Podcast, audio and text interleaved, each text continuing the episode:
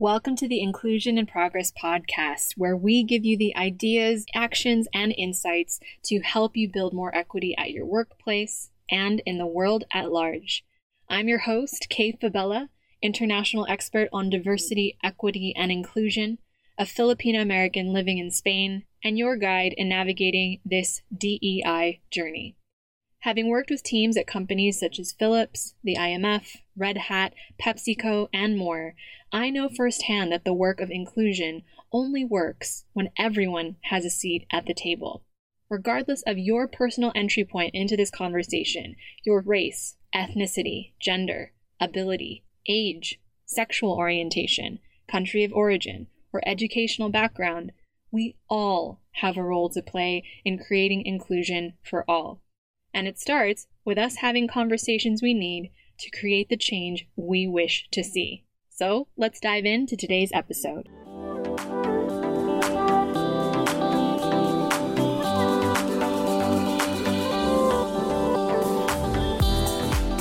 Hey there, my friend, and welcome back to Inclusion in Progress. Well, we're officially in the final month of 2020, the year that has felt like a decade can you believe it? Now, I don't know about you, but I am feeling a mixture of emotions. I swear, I, I say that on every episode, but I feel like that's the story of this year, right? And it's been a hard one on all of us. And with the holiday season being, again, really bittersweet, right around the corner, I'll share a few words of advice that are actually getting me through in case it's helpful for you. Whatever you're celebrating this year or whatever holiday you're honoring, don't worry about having it quote unquote all together. Don't fight for this version of normal that you long for in a very abnormal year. Because the truth is, we're all just exhausted, exposed nerves. so we're allowed to be grateful that we are easing into the holiday season. And I know that's gratitude's a big thing that I'm practitioner and believer of, and that we honor in the holiday season. But we can be grateful and we can grieve at the same time. So you may be miles away from family. You may be barely managing your own depression or anxiety, or simply just are sad that you can't see all of your favorite people in one place, or you're mourning the loss of loved ones from earlier this year, or you're worried about your job or your financial situation, or you're thinking of the partner or the parent who's on call at the hospital, or steeling yourself for dicey political discourse with relatives if you do manage to get to see them all in one place. Whatever your situation is, find a beat for you. Breathe deeply. Bow your head. Be still. My small plea from my tiny corner of Spain to wherever this finds you in the world is to please be gentle to yourself as we begin this holiday season and take as many beats as you need. Even though this year doesn't feel like one that's worth celebrating especially with this pandemic, meaning many of us won't actually see our loved ones for the holidays this year. So all we can do is try our best to find moments of joy wherever we can get them. For me, it's I may or may not have asked my Spanish husband Hobby that we put up our Christmas lights before Thanksgiving this year. You got to take what you can get, right? and Christmas lights make me happy. Now, I'd love to hear from you about what your plans are to round out 2020. You've been listening to me, I know, on your park walks, runs, with your dog, in between Zoom meetings, or while you're trying to sneak in a little moment for yourself while you're cooking. And so I feel like we're in this intimate conversations. I'd love to hear a little bit more from your end this time around. Whatever you're doing to round out 2020, let me know, get in touch. You can do so by connecting with me over on LinkedIn. Just do a quick search for my name. That's K A Y, F is in Frank, A is in Apple, B is in boy, E double L A, and connect with me there. Share your holiday plans for 2020 with me. now, outside of our podcast, LinkedIn is the place where I'm most actively sharing content or really just engaging with conversations with listeners like you on diversity, equity, and inclusion, and sharing the industry insights that I'm seeing from the clients we're working with around the world. And I'll also be doing my best to share a few holiday shares and reflections as well. So, again, just head over to LinkedIn. Let me know what your holiday plans are. Add me by searching for my name, Kay Fabella, Fabella, Fabella, as someone pointed out to me. and I look forward to connecting with you there. Now, bonus points if when you send your connection request, you let me know that you were listening to this episode.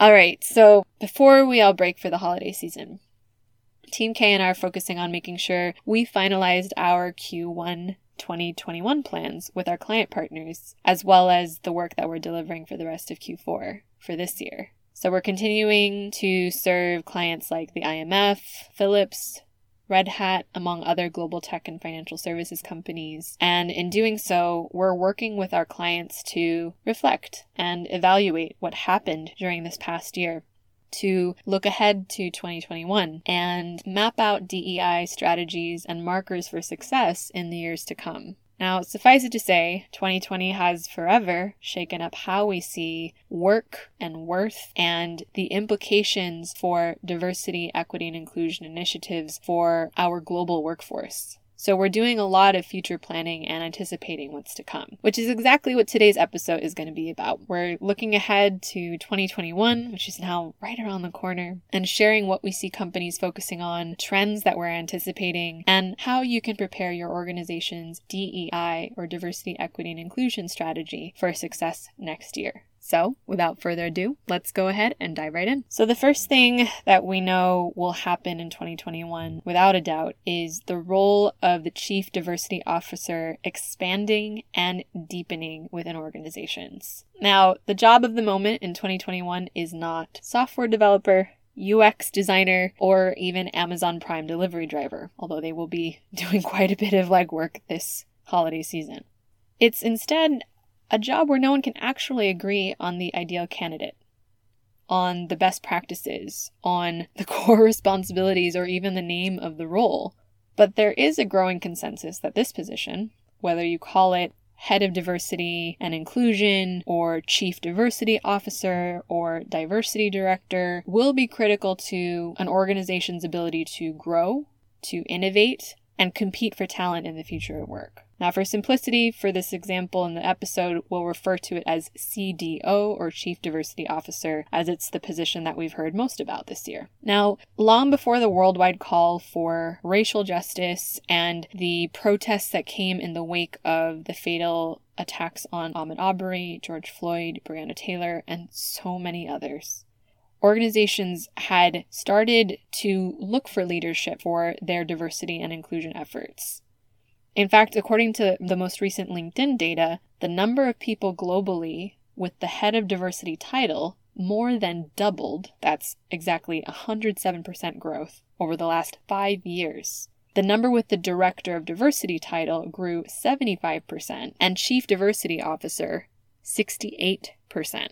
Now, the global anti racism movement, coupled with coronavirus, only made companies think about diversity, equity, and inclusion even more critically. In 2021, these Chief Diversity Officer or CDO roles will continue to go from nice to have to must have for organizations to stay competitive in the long run and ensure their survival. Not only will expanding a diversity department within your organization show your company's commitment to DEI, It'll align with the demands of your current talent and customer base and assure the legacy of your organization beyond 2021. Future talent will be looking to your company's track record on how it treated its employees during this critical year and whether or not your leadership team reflects the diversity of society at large and the opportunities for them for upward mobility. So, where do you find the right people for these CDO roles? Well, you're gonna want to look everywhere. I mean, you'll have to. How else will you find anyone, let alone a slate of candidates, who can move so quickly between so many roles? Now, it doesn't necessarily mean that they have to have years of experience. I mean, I've taken a look at some of these job descriptions for chief diversity officers, and the requirements are, well, let's just say, good luck finding those unicorns. But what I'm trying to say here is that it's important to be creative and not necessarily rely on somebody having the same experience in one role related to DEI. According to research done by the management consulting firm Russell Reynolds, the majority of CDOs or chief diversity officers for S&P 500 companies do have experience in HR and other similar DEI roles, but 33% have experience in organizational development or learning and development. 31% of those chief diversity officers have experience in marketing or sales. 30% have experience in talent acquisition. 25% in corporate social responsibility. And 16% come from a background in legal or compliance. And it makes sense, right? The CDO is expected to be a therapist, an advocate, a coach, an advisor, a communications director, an educator, and a perspective broker of sorts. And if there's one thing we've learned from the guest interviews on this podcast this year, either from people who are working on DEI externally or within organizations, there is no one right way to get into DEI work. But once you've found that right candidate, achieving diversity, equity, and inclusion is an ongoing process, no matter which corner of the world your business is headquartered in. No one that I've worked with and no one that I've seen has nailed it. No one has a magic formula for DEI, despite what those so called best of lists or awards for most inclusive companies will tell you. In my experience, I've watched CDOs sit in on conversations this year around everything ranging from compensation and promotion to helping leaders when they were having doubts about what to say to thousands, if not millions, of employees the day after George Floyd was murdered. In conversations around product reviews that help their company think more inclusively about what they're putting out into the world and even in conversations with their compliance department on creating more robust policies for inclusive remote work and for what happens when discrimination occurs.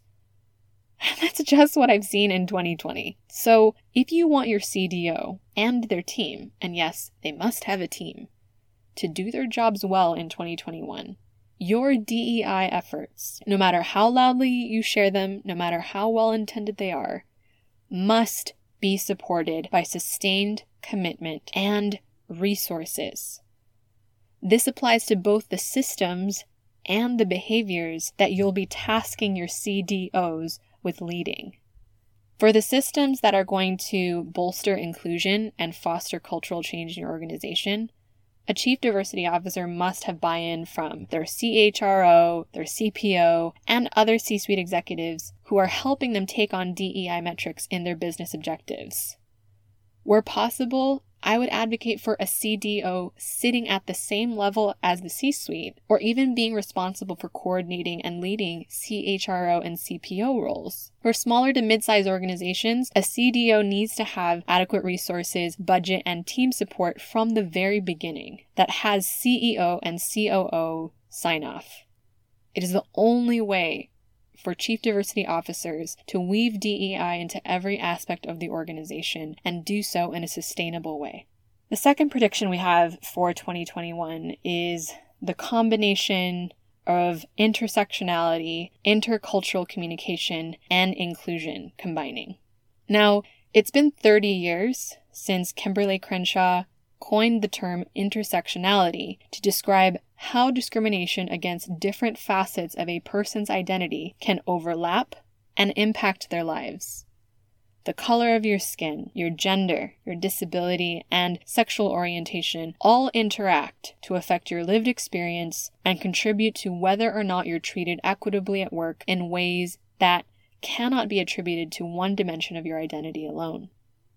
Now, against the backdrop of coronavirus, we're witnessing what that actually means, what intersectionality actually means for our global workforce, and how each of these layers of identity intersect and overlapped and determined how each one of us experienced this pandemic. For the heterosexual couple with a young child, struggling to manage homeschooling, full time jobs, and caring for an aging parent in their home for the single Asian American man living alone, struggling with depression while worried about his aging immigrant parents on the other side of the country, being spat on or cursed at because of pandemic motivated xenophobia.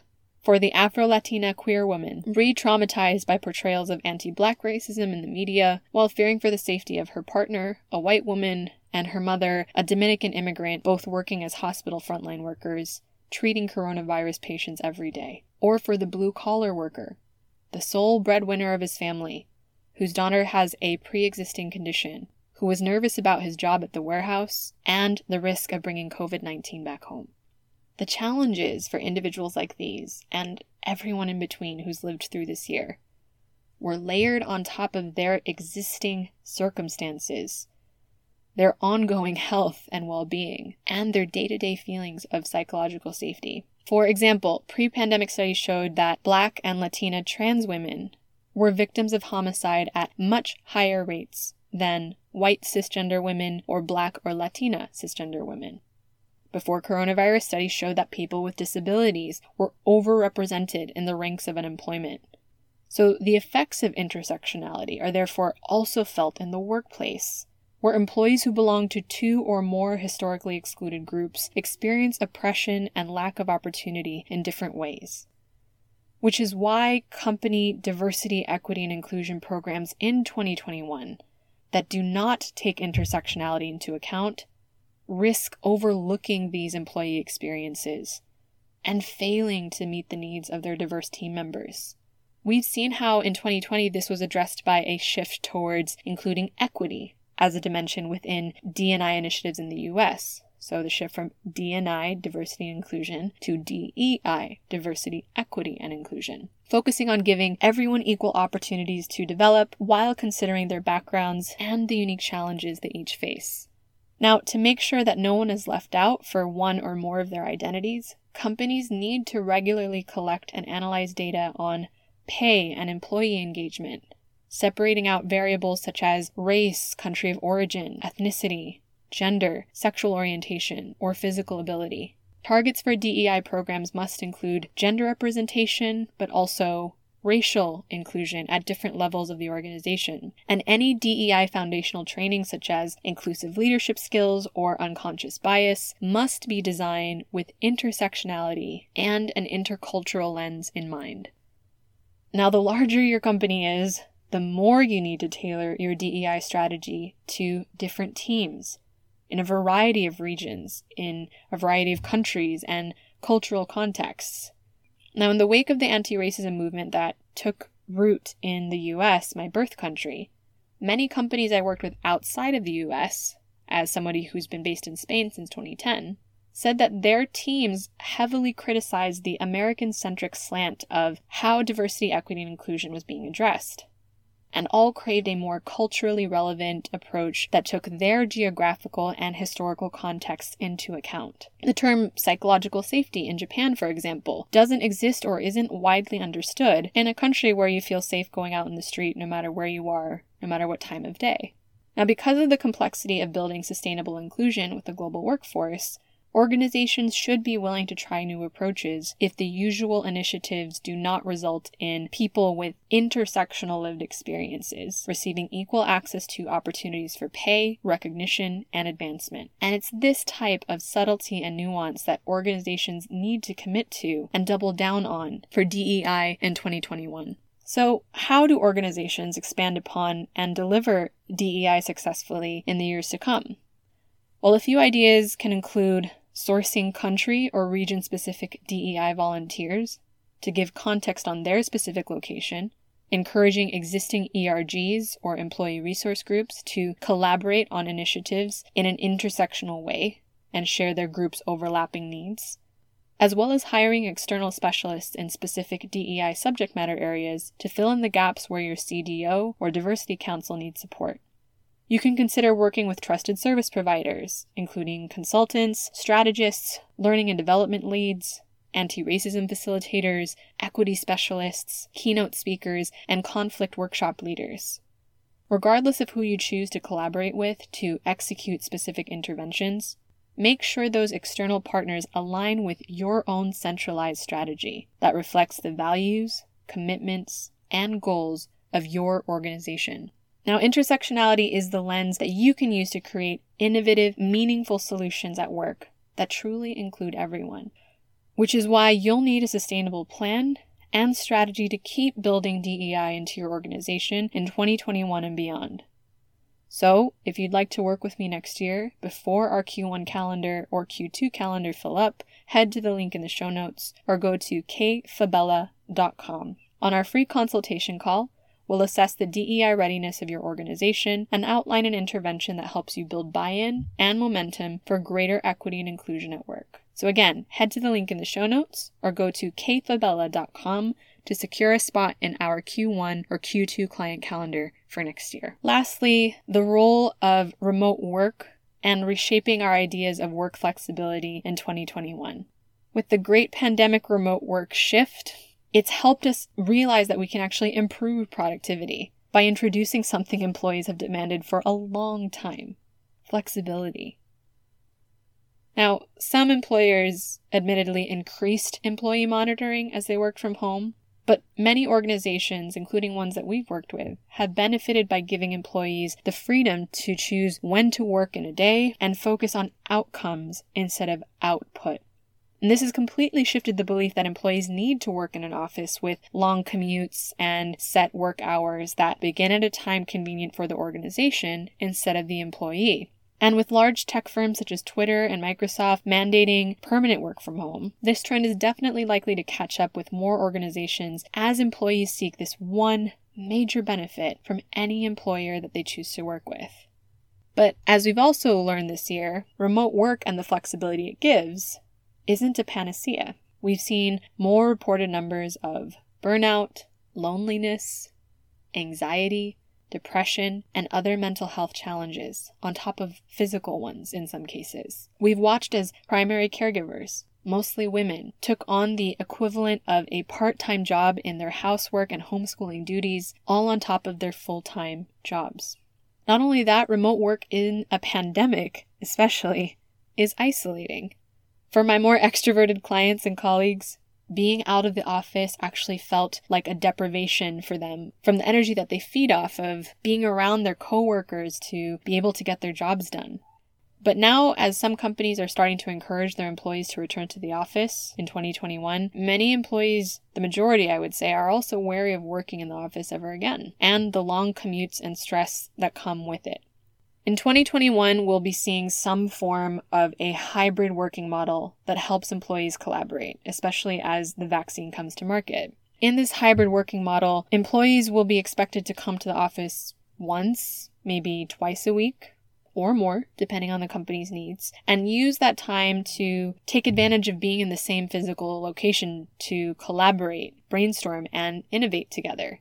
Then they'll return home to engage in more focused, productive work on the days that they're not in the office. Now, Unlike many people who are cheering on, yay, remote work forever, I don't believe that remote work will be a permanent solution for organizations, but I do see the physical workplace as more likely to become a center of collaboration rather than productivity. With that said, we also have to make sure that the historically excluded groups that were already struggling with equity before the pandemic don't continue to get left behind or face other forms of discrimination in a virtual environment that are sometimes harder to track or report. One of the biggest things we were helping clients with starting at the beginning of 2020 was around mapping out strategies for equitable virtual workplaces. Whether it was helping with virtual team building efforts, or upskilling middle managers to adapt their leadership styles to a virtual environment.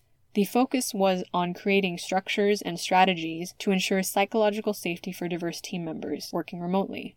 Asynchronous communication quickly emerged as an effective tool in keeping remote workers productive and happier than those who work in a traditional office environment, even. Which is why in 2021, instead of just relying on synchronous communication platforms for video calls like Zoom, Teams, and WebEx, organizations that are focused on DEI will continue to build a digital arsenal of community building touchpoints where people can find opportunities for everything from connection to mental health support, almost mimicking what it would be like in a real office setting. This can be through existing networks and channels, such as your women's mentorship programs, your ERG's virtual events, or even just a more informal Slack social channel or ongoing newsletter. And with so many of our communication channels now being streamlined through companies, organizations will need to establish broad guidelines for virtual connectivity and communication, the frequency, behavior, and tone. And revisit those guidelines as needed to provide the right amount of support without overwhelming their employees. In 2021, we will also need to see more robust channels and chains of command be created for when someone experiences exclusionary or discriminatory behavior in a virtual environment. So, there you have it my top predictions for DEI in 2021 based on what we've learned from this long year of 2020. So, I'd love to hear from you. Would you agree with this list? What would you add? What do you think 2021 holds for us and for the future of diversity, equity, and inclusion in companies? I'd love to know. So, before we wrap up, I know 2020 has been a very strange year. There's no doubt about it. It's starting to become cliche, even. But it's also been a revealing and enlightening one for those of us who have been engaged in the inclusion conversation at work. If there's one thing that I'm encouraged by and enthusiastic about as we move into the next year, it's that I only see the depth of this work growing within companies as they adopt a more human centric and holistic approach to how they manage an increasingly diverse global workforce. Last but not least, if you're already thinking ahead to how you can deepen your efforts for creating equity and inclusion at work next year, get in touch with us at the link in the show notes. We're already taking on client engagements for 2021 to deliver our bespoke DEI solutions to client partners like Philips, the IMF, Red Hat, and more. And our client calendar for Q1 is almost finalized at the time of this recording. So, to learn more about specific ways I can help your team or organization embed DEI into your company strategy next year, get in touch at the link in the show notes or go to kfabella.com book an initial assessment call with us, where I'll help you understand where you are in your journey and ideas for how we can work together in the coming year. Thank you as always for tuning in, for sharing your time and energy with me, and I'll see you back here next week for another episode of Inclusion in Progress.